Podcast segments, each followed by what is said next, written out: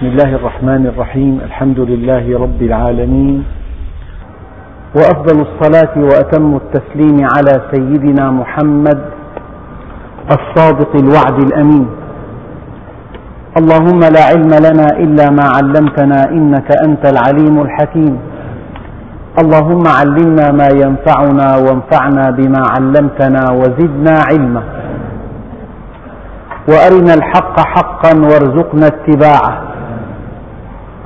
وأرنا الباطل باطلا وارزقنا اجتنابه. واجعلنا ممن يستمعون القول فيتبعون أحسنه. وأدخلنا برحمتك في عبادك الصالحين. أيها الإخوة المؤمنون مع الدرس الرابع من سورة الأنبياء يقول الله سبحانه وتعالى في الآية التاسعة عشرة من هذه السورة وله من في السماوات والأرض ومن عنده لا يستكبرون عن عبادته ولا يستحسرون. هؤلاء الذين عنده الملائكة يسبحونه بالليل والنهار لا يسأمون ولا يستكبرون ولا يستحسرون. معنى ذلك أن الإنسان إذا سبح الله سبحانه وتعالى دخل في سعادة لا توصف. إذا دخل في هذه السعادة لن يتكبر عليها ولم يسأم منها ولم يستحسر عليها. الإنسان حينما يعمل عملا لا جدوى منه. حينما يقدم جهدا كبيرا ليأخذ مردودا صغيرا. يستحسر. يتحسر على الوقت الذي بذله من أجله. يتحسر على الوقت وعلى الجهد وعلى المال. الإنسان متى يستحسر؟ إذا رأى المردود أقل من الجهد. إذا رأى النتائج أقل من المقدمات. إذا رأى الأرباح أقل من رأس المال. عندئذ يستحسر. فهؤلاء الملائكة يسبحون الليل والنهار. لا يفترون. لا يستكبرون. لا يستحسرون. لا يسأمون.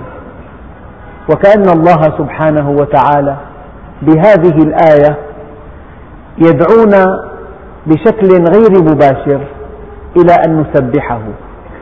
فإذا سبحناه لن نستحسر على هذا التسبيح ولن نسأم هذا التسبيح ولن نستكبر على هذا التسبيح. والتسبيح هو التنزيه والتسبيح هو التمجيد. من معاني التسبيح أن تنزه الله عن كل صفة لا تليق به وعن كل حال لا يليق به. الله سبحانه وتعالى ليس كمثله شيء. كل ما خطر ببالك فالله بخلاف ذلك. الله سبحانه وتعالى لا تدركه الأبصار. الله سبحانه وتعالى صمد. قل هو الله أحد الله الصمد.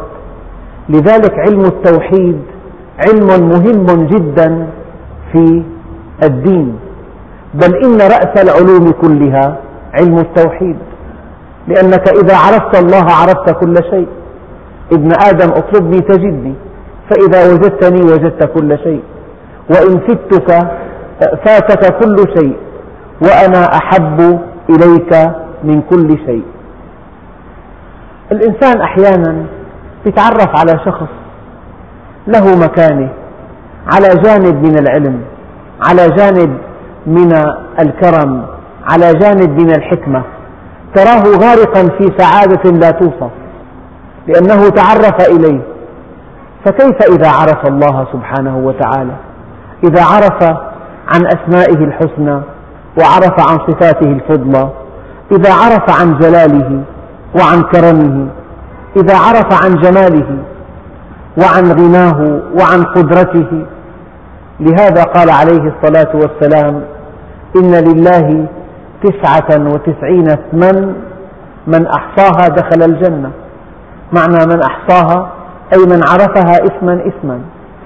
فمعرفة أسماء الله الحسنى جزء أساسي من الدين بل جزء أساسي من علم العقيدة. وفي كل كتب علم التوحيد وكتب علم العقيدة فصل كبير جدا عن أسماء الله الحسنى. وأنت امتحن نفسك. قل ماذا تعرف عن اسم الرحيم؟ ما الدلائل والوقائع والمعلومات والمشاهدات التي تؤكد اسم الرحيم؟ الله سبحانه وتعالى رحيم. إلى أي درجة تظنه رحيما؟ هو أرحم بالخلق من الخلق. الله سبحانه وتعالى لطيف. الله غني الله كبير. لهذا شرع التكبير يوم العيد. شهر رمضان الذي أنزل فيه القرآن هدى للناس وبينات من الهدى والفرقان. فمن شهد منكم الشهر فليصمه ومن كان مريضا أو على سفر فعدة من أيام أخر. يريد الله بكم اليسر ولا يريد بكم العسر.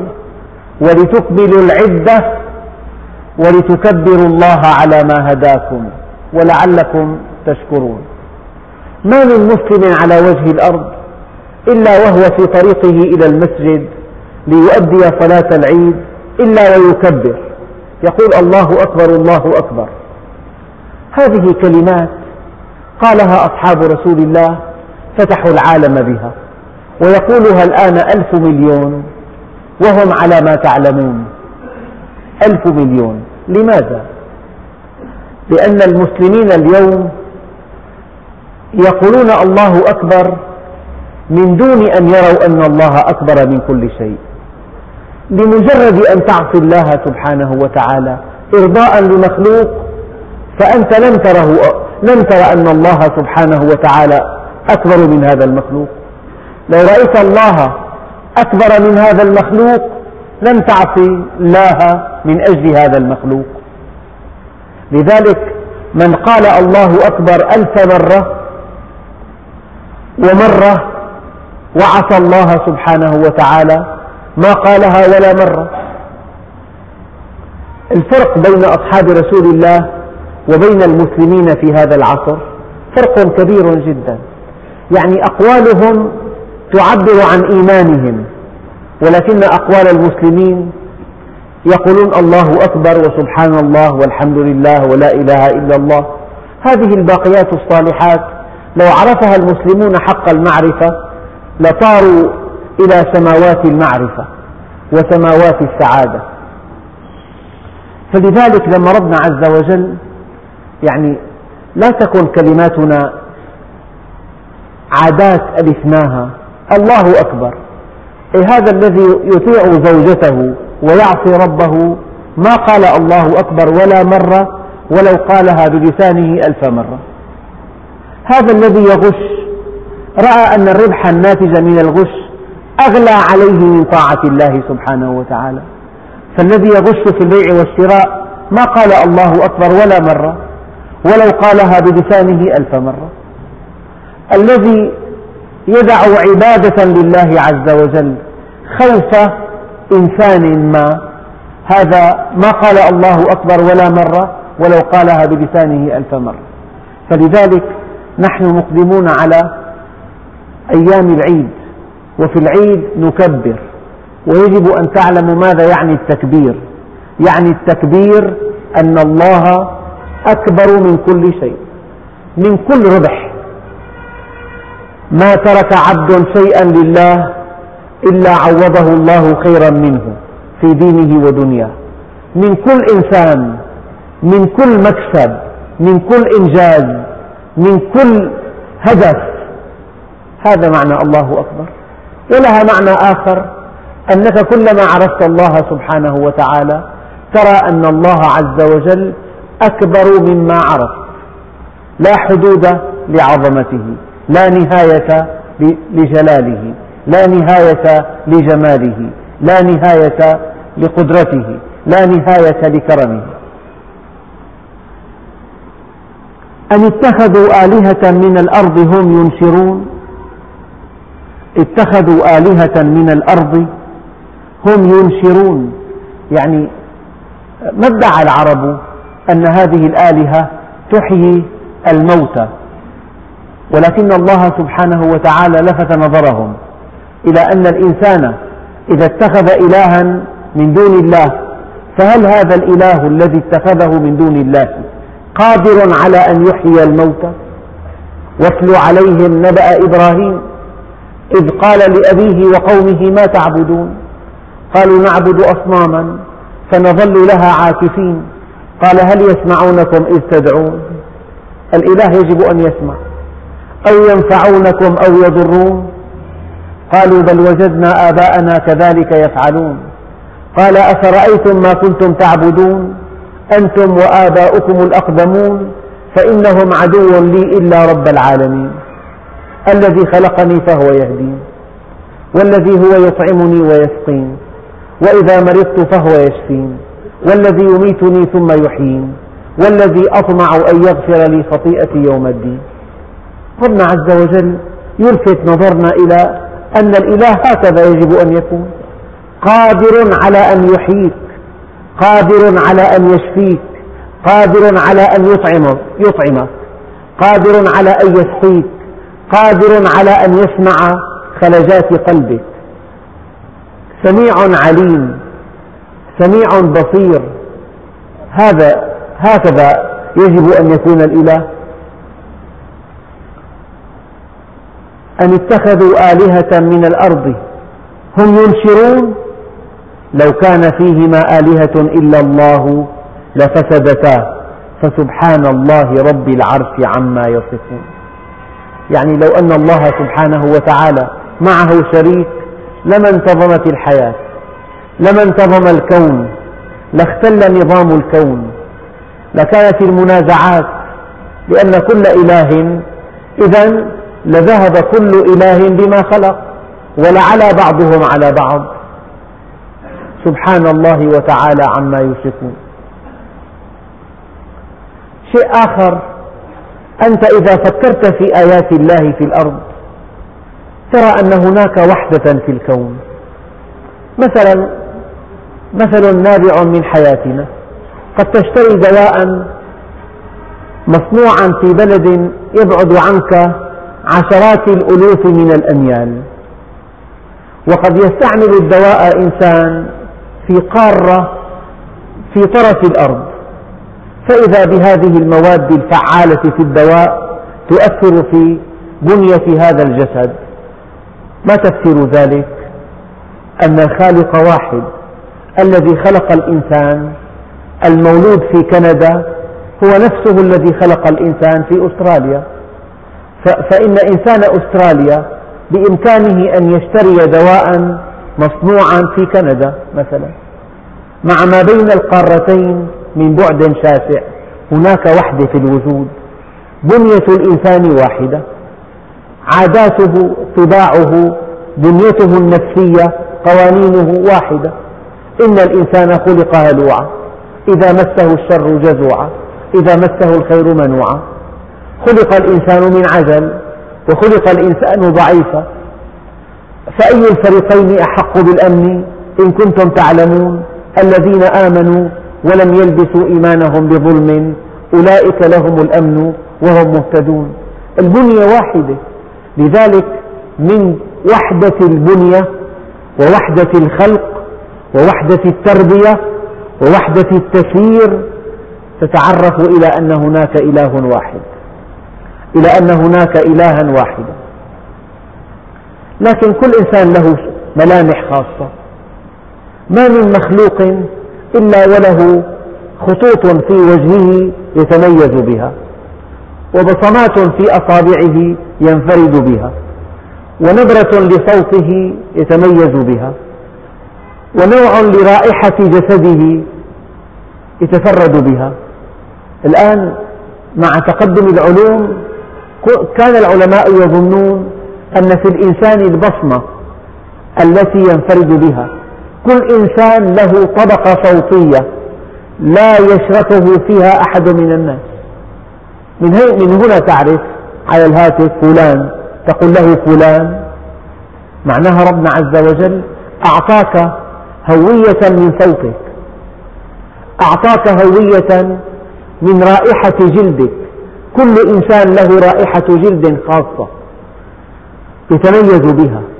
أعطاك هوية من تركيب دمك والدم في الإنسان له بنية خاصة.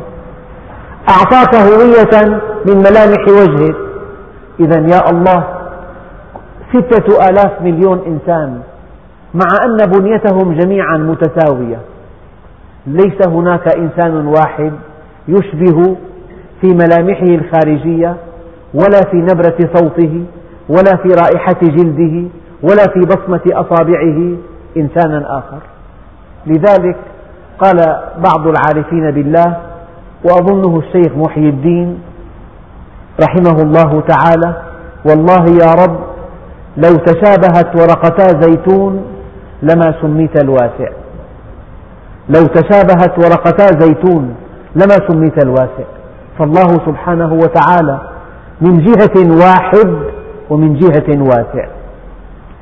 لو كان فيهما آلهة إلا الله لفسدتا فسبحان الله رب العرش عما يصفون. سبحانه وتعالى أن يكون له شريك. سبحانه وتعالى أن يكون له معين. وهو الذي في السماء إله وفي الأرض إله. ما لكم من دونه من ولي. ما لكم من دونه من ولي. ولا يشرك في حكمه أحدا. إليه يرجع الأمر كله.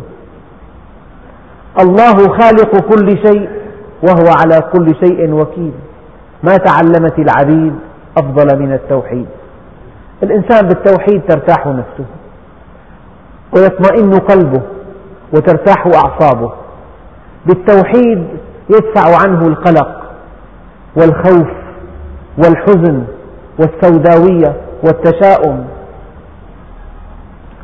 لا يسأل عما يفعل وهم يسألون. يعني الله سبحانه وتعالى مقام الألوهية يقتضي أن أحدا من الخلق لا يستطيع أن يسأل الله سبحانه وتعالى. الإنسان مهما على مسؤول. لو أن هناك دائرة حكومية رأس هذه الدائرة يبدو للموظفين أنه لا يحاسب ولكن لو اطلعت على الواقع لرأيت أنه يخشى من هو فوقه. مسؤول وكل مسؤول فوقه مسؤول. لكن الله سبحانه وتعالى لا يسأل عما يفعل. مقام البشر أنهم مسؤولون وقفوهم إنهم مسؤولون. مقام الألوهية أن أحدا لا يستطيع أن يسأل الله سبحانه وتعالى. ليس معنى أن الله سبحانه وتعالى إذا كان لا يسأل عما يفعل أنه ظالم سبحانه وتعالى. هو عادل فكيدوني جميعا ثم لا تنظرون. إني توكلت على الله ربي وربكم.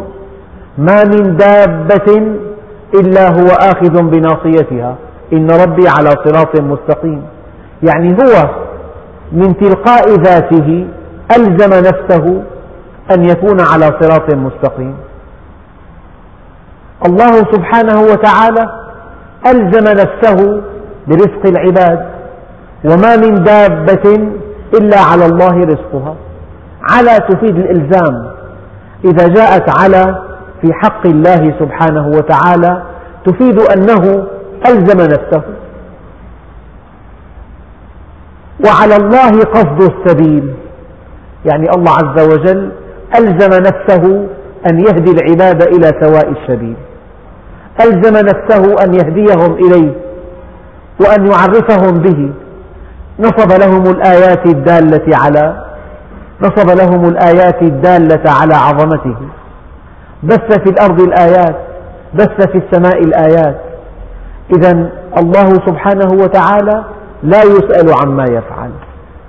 لأن هذا المقام مقام الألوهية. وما من مخلوق على وجه الأرض إلا ويسأل. يسأل ممن هو أعلى منه. أو يسأل ممن هو أدنى منه. بدك بخاف على سمعتي. يسأل من أية جهة؟ لذلك من شأن الإنسان أنه مسؤول. ومن شأن الله سبحانه وتعالى. ومن شأن الله سبحانه وتعالى أنه لا يسأل عما يفعل.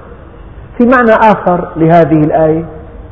أن الله سبحانه وتعالى لعدالته المطلقة ولإحسانه الذي لا حدود له لا يسأل عما يفعل لأن عدله يسكت الألسنة ورحمته تسكت الألسنة. يعني إذا وزع المعلم على طلابه أوراق الامتحان وقد صححت تصحيحا متناهيا في الدقة ووزع عليهم السلالم وعرض عليهم الأوراق والعلامات وانتظر قد, قد تمضي ساعة ولا أحد من الطلاب ينبس ببنت شفة لماذا؟ لأن عدل المعلم أسكت الألسنة. العدل يسكت. فلفرط عدالته لا يسأل عما يفعل. هذا معنى آخر.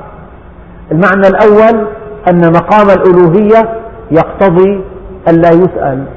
ولا أحد في الكون يسأله.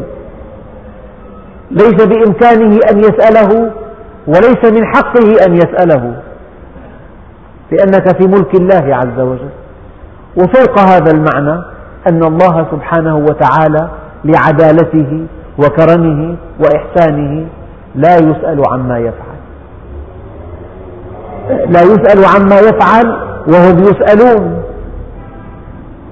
لذلك ربنا عز وجل قال على لسان سيدنا عيسى إن تعذبهم فإنهم عبادك وإن تغفر لهم فإنك أنت يعني الواحد لو نسيان الآية بكملها من عنده فإنك أنت الغفور الرحيم لأنه آه، إن تعذبهم فإنهم عبادك وإن تغفر لهم فإنك أنت الغفور الرحيم إن تغفر لهم فإنك أنت الغفور الرحيم. الآية ليست الآية ليست كذلك. أنت تعلم أنه فإنك أنت الغفور الرحيم فإنك أنت العزيز الحكيم. طيب ما علاقة العزة هنا بالمغفرة؟ قال لأن الإنسان إذا غفر يخشى أن يحاسب على هذه المغفرة. لما لم تطالب فلانا بهذه الوثيقة؟ لما تساهلت مع فلان ولم تتساهل مع فلان؟ لما أعفيت فلان من هذا الرسم؟ لماذا؟ لماذا عفوت عن فلان؟ هذا الذي يعفو محاسب لكن الله سبحانه وتعالى وإن تغفر لهم فإنك أنت العزيز الحكيم. يعني عزتك لا تنال لا يستطيع أحد أن يحاسبك يا رب. لماذا غفرت لفلان ولم تغفر لفلان؟ فالقرآن كما قال سيدنا علي حمال أوجه والقرآن ذو وجوه. فإذا لا يسأل عما يفعل هذا مقام الألوهية. وهم يسألون هذا مقام العبودية. والإنسان لا يسعد إلا إذا عرف مقام العبودية. أنت عبد لله. ليس من شأنك أن تحصر أنفك فيما هو من شأن الله. أخي الله عز وجل يعلم أو لا يعلم؟ هذا من شأن الله. الله عليم حكيم. وكلمة عليم مطلقة والمطلق على إطلاقه. وسيدنا علي رضي الله عنه يقول علم ما كان وعلم ما يكون وعلم ما سيكون وعلم ما لم يكن لو كان كيف كان يكون. إيه كيف الله سبحانه وتعالى كيف يكون مع الخلق جميعا في وقت واحد؟ هذا السؤال من شأن الله. أنت عبد ليس من شأنك أن تفهم أن تحيط علما بالله عز وجل. لا يعرف الله إلا الله. فلذلك مقام العبودية يقتضي أن تعرف مقامك. رحم الله عبدا عرف حده فوقف عنده ولم يتعد طوره. في أسئلة مقبولة في أسئلة غير مقبولة النبي عليه الصلاة والسلام قال تفكروا في مخلوقات الله ولا تفكروا في, في ذات الله فتهلكوا. فلما الإنسان يطرح أسئلة متعلقة بذات الله يهلك لأن المحدود لا يستطيع أن يحيط بالله محدود. وذو النهاية لا يستطيع أن يحيط باللا نهاية. والممكن الوجود لا يستطيع أن يحيط بالواجب الوجود. والحادث لا يستطيع أن يحيط بالقديم. والفاني لا يحيط بالأبدي السرمدي. هو الأول بلا بداية والآخر بلا نهاية. فالإنسان بده يصنف الأسئلة تصنيف تصنيفين. أسئلة يمكن أن تطرح وهذا من شأن الإنسان أن يفهمها. وأسئلة أخرى لا يمكن أن تطرح لأنها تطاول على مقام العبودية. مقام العبودية أن تقف عند هذا الحد دون أن تسأل. لا يسأل عما يفعل وهم يسألون. أن اتخذوا من دونه آلهة. قل هاتوا برهانكم. هاتوا برهانكم. يعني كأن التعامل مع الله عز وجل وفق الأدلة وفق البراهين وفق الحجج. خالق, خالق هذا العقل خالق المنطق. ينبغي أن يكون في دينه المنطق كله. المنطق العقل إذا كل حكم فقهي فيه دليل نقلي وفيه دليل عقلي. خالق العقل دينه غير معقول مستحيل. لا عقل لمن لا دين له ولا دين لمن لا عقل له. تبارك الذي قسم العقل بين عباده أشتاتا. إن الرجلين ليستوي عملهما وبرهما وصومهما وصلاتهما. ويختلفان في العقل كالذرة جنب أحد. وما قسم الله لعباده نصيبا أوفر من العقل واليقين. ما دام العقل من خلقه والكون من خلقه فلا بد من أن يكون الكون معقولا. ولا بد من أن يكون الدليل العقلي أساس في الإيمان. لكن العقل على أنه أعظم شيء أودعه الله فينا. ليس مؤهلا أن يتحكم في العقيدة ولا في العبادات. لكنه مؤهل أن يستنبط الأحكام التفصيلية من الأحكام الكلية. العقل مسموح له أن يستنبط الأحكام الفرعية من الأدلة الأصلية من الكتاب والسنة. العقل مؤهل لذلك لذلك برع الفقهاء والمجتهدون في استنباط الأحكام التفصيلية من الأدلة الأصلية من الكتاب والسنة. ولكن العقل لا ينبغي أن يحكم بالنقل بمعنى أن يسمح للعقل بإثبات ما صح وروده أو نفيه. فالعقيدة دور العقل فيها أن يفهمها لا أن ينفيها فالعقل له حدود. العقل ميزان ولكن الشرع ميزان على الميزان. العقل ميزان والشرع ميزان على الميزان.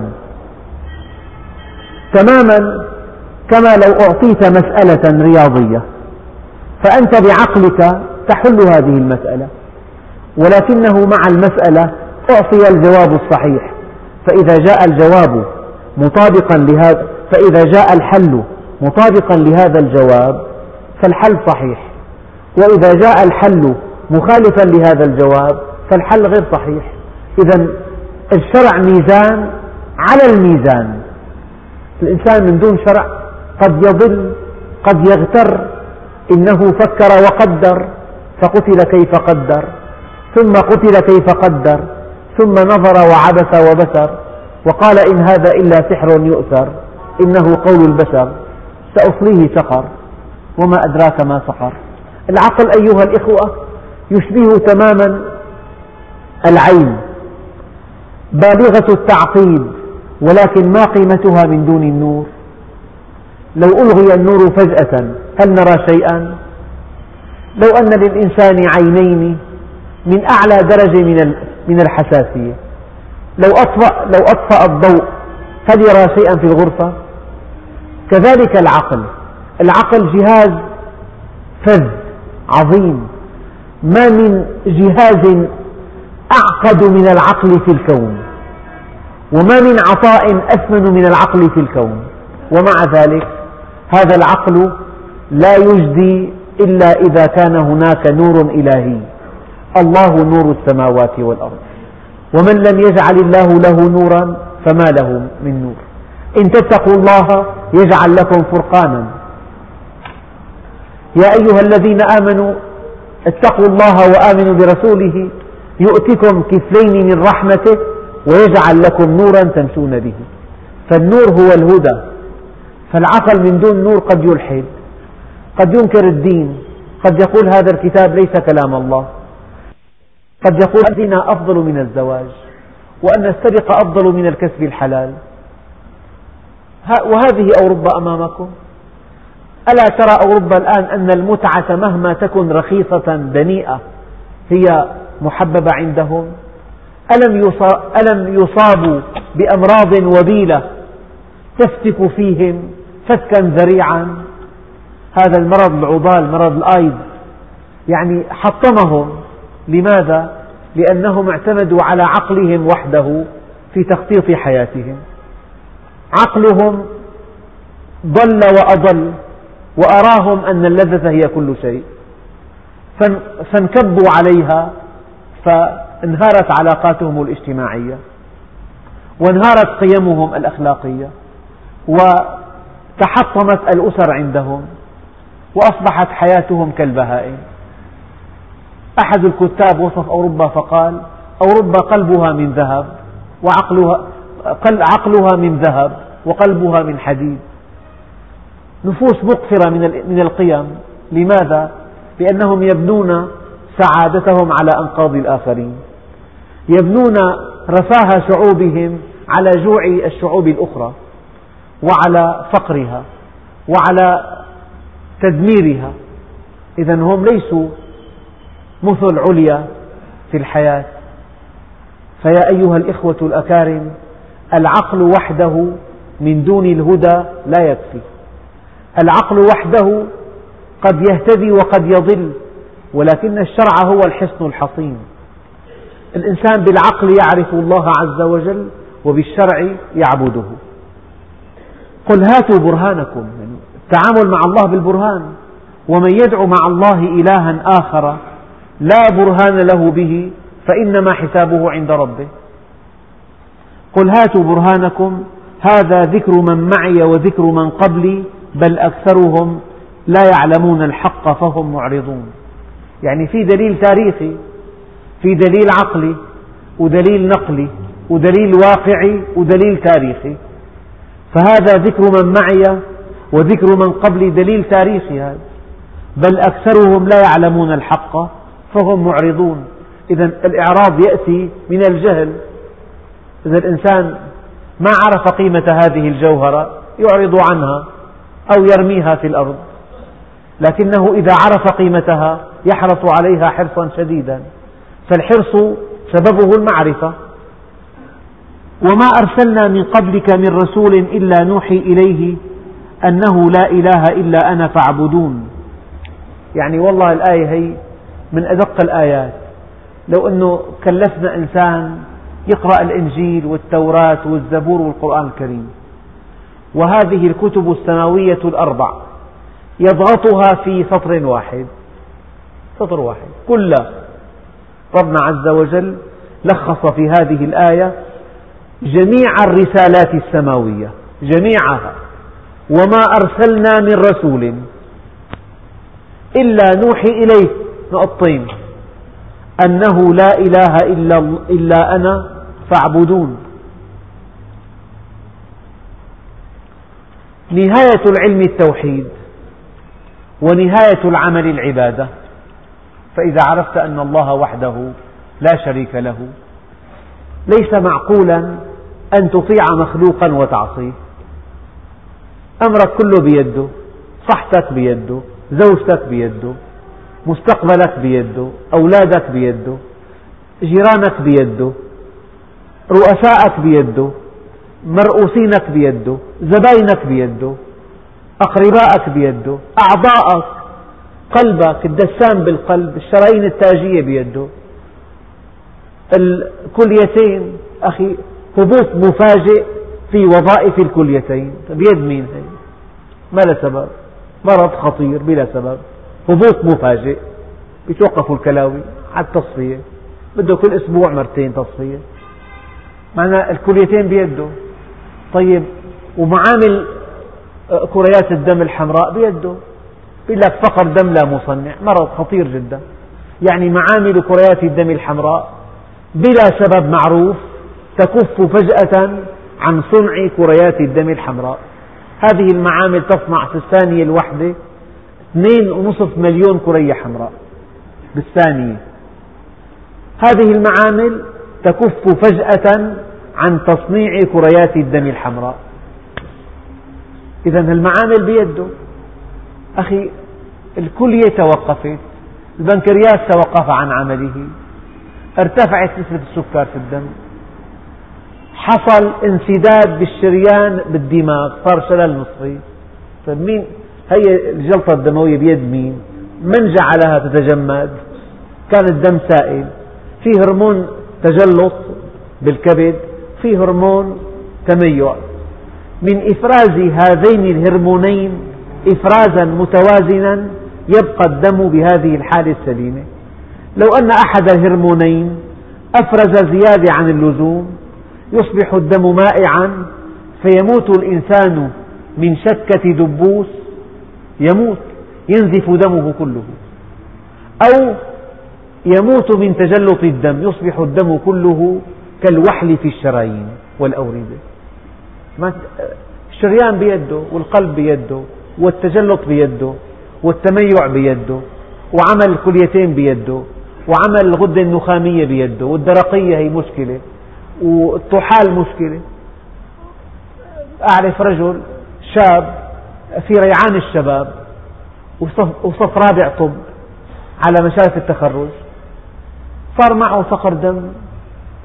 التعداد نزل لثلاث ملايين بالميليمتر مكعب.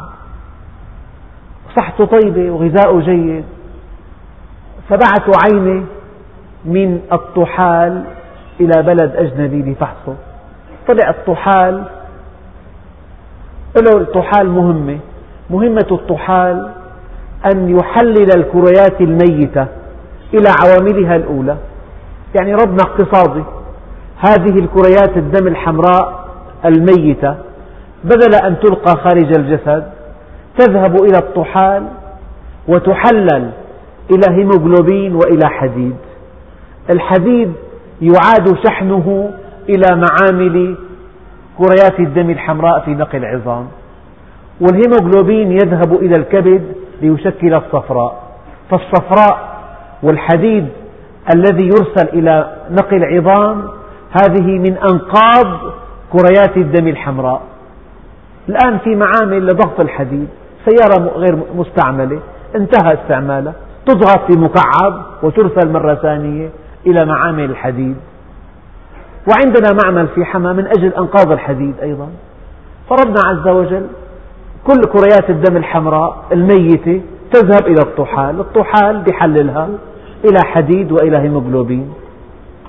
هذا الشاب الذي في ريعان الشباب طحاله يعمل بنشاط أكثر مما ينبغي بمعنى أنه يأخذ الكرية الحمراء الميتة فيحللها ويأخذ الحية فيميتها.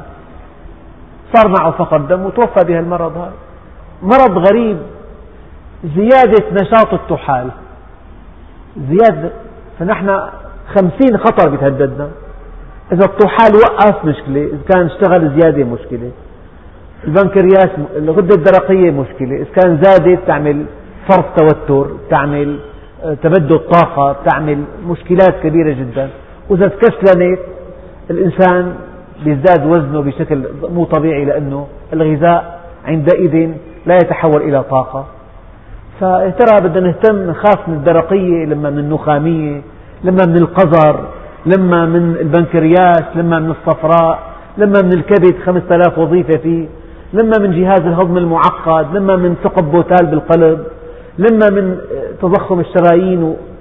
طبيب شرح قلب القلب فيه دسامات والدسام يعني أعقد ما في القلب الدسام. ثلاث وريقات مع انقباض الأذين تنفتح هكذا فيمر الدم. ترجع فجأة فتغلق الطريق إغلاق محكم. ما في مضخة أساسا في الأرض إلا أساسا أنه تسمح للماء بالمرور في اتجاه واحد. فالقلب فيه دسامات خطيرة جدا. الدكتور عمل دسام يعني تقليد عارضه بمية وخمسين ألف ليرة. دسام إذا واحد دسامه تعطل يركب واحد اصطناعي. طبعا بيخدمه سنتين بده عملية ثانية يفتح دسام ثاني على كل هي الوريقة تفتح الوريقات هكذا وت... طبيب لقى بظهر الوريقة كرية كرية لحم صغيرة. ليش هي كرية لحم في ظهر الوريقة. استأصلها من حيوان توفى الحيوان. حياة حيوان على الكرية الصغيرة بقدر رأس الدبوس. بعدين اكتشف أنه هذه الوريقة حينما تنفتح هكذا لئلا تشكل مع جدار الشريان سطح تماس تلتصق هذه الكرية تشكل مع الجدار نقطة تماس نقطة فتعود إلى مكانها. هذا خلق الله. فأروني ماذا خلق الذين من دونه. في مليون جهاز ومليون قضية بجسمنا. شيء معقد جدا. يعني هذا الطفل لما بيولد الأذينين مفتوح ثقب بيناتهم ثقب بوتال أنه بالرحم ما في تنفس ولا في هواء. والرئتان معطلتان. وجهاز التنفس معطل. إذا القلب كيف تتم الدورة الصغرى؟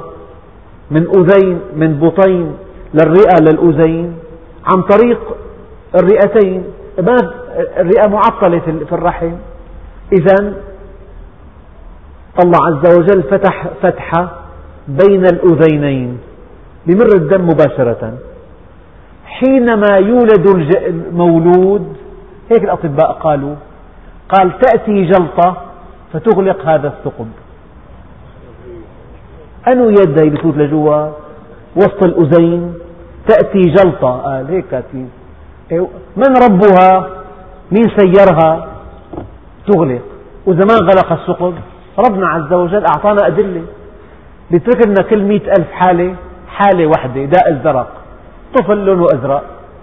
الدم عوض ما يذهب للرئة يتنقى من غاز الفحم ويأخذ غاز الأكسجين بيستقرب لأن في ضغط. في انقباض في فتحة صغيرة لما بيضغط القلب عوض الدم ما يذهب للرئتين بيذهب للأذين الثاني. تم دمه أزرق لون الطفل أزرق بيكون دائما. يعني أعرف صديق لي ابنه بهكذا توفي ب 12 سنة توفى. درج من درجات يطلعهم بساعة. ما في قوة إطلاقا. طيب يد من دخلت إلى القلب فأغلقت هذا الثقب؟ الله سبحانه وتعالى. فلذلك ربنا عز وجل قال وما أرسلنا من رسول إلا نوحي إليه أنه لا إله إلا أنا. مليون جهاز بيد الله عز وجل. إذا أنت آمنت أنه يد الله عز وجل المطابقة سهلة المطابقة. أنه عدسة مرنة في عضلات هدبية دقيقة جدا. آه هذا الشكل أو هذا الجسم على مدى أربعين متر. كأنه هالعضلات هي عاقلة المسافة أربعين. خيال الجسم يقع خلف الشبكية. إذا ينضغط هذه تنضغط هذه العدسة بحيث يقع الخيال على الشبكية. يدمن. علم هي المطابقة وحدها عمل معجز. وكل إنسان في عنده مطابقة. فيا أيها الإخوة الأكارم نهاية العلم أن ترى أنه لا إله إلا الله. ونهاية العمل أن تعبده. نهاية العلم أن توحده ونهاية العمل أن, توحد أن تعبده. فإذا جمع الله عز وجل في هذه الآية فحوى رسالات الأنبياء من دون استثناء فهذه هي الآية. أخي لخص لي فحوى رسالات السماء كلها. وما أرسلنا من رسول إلا نوحي إليه أنه لا إله إلا أنا فاعبدون. فإذا وحدته وعبدته نجوت من عذابه وسعدت بقربه وفي جنته.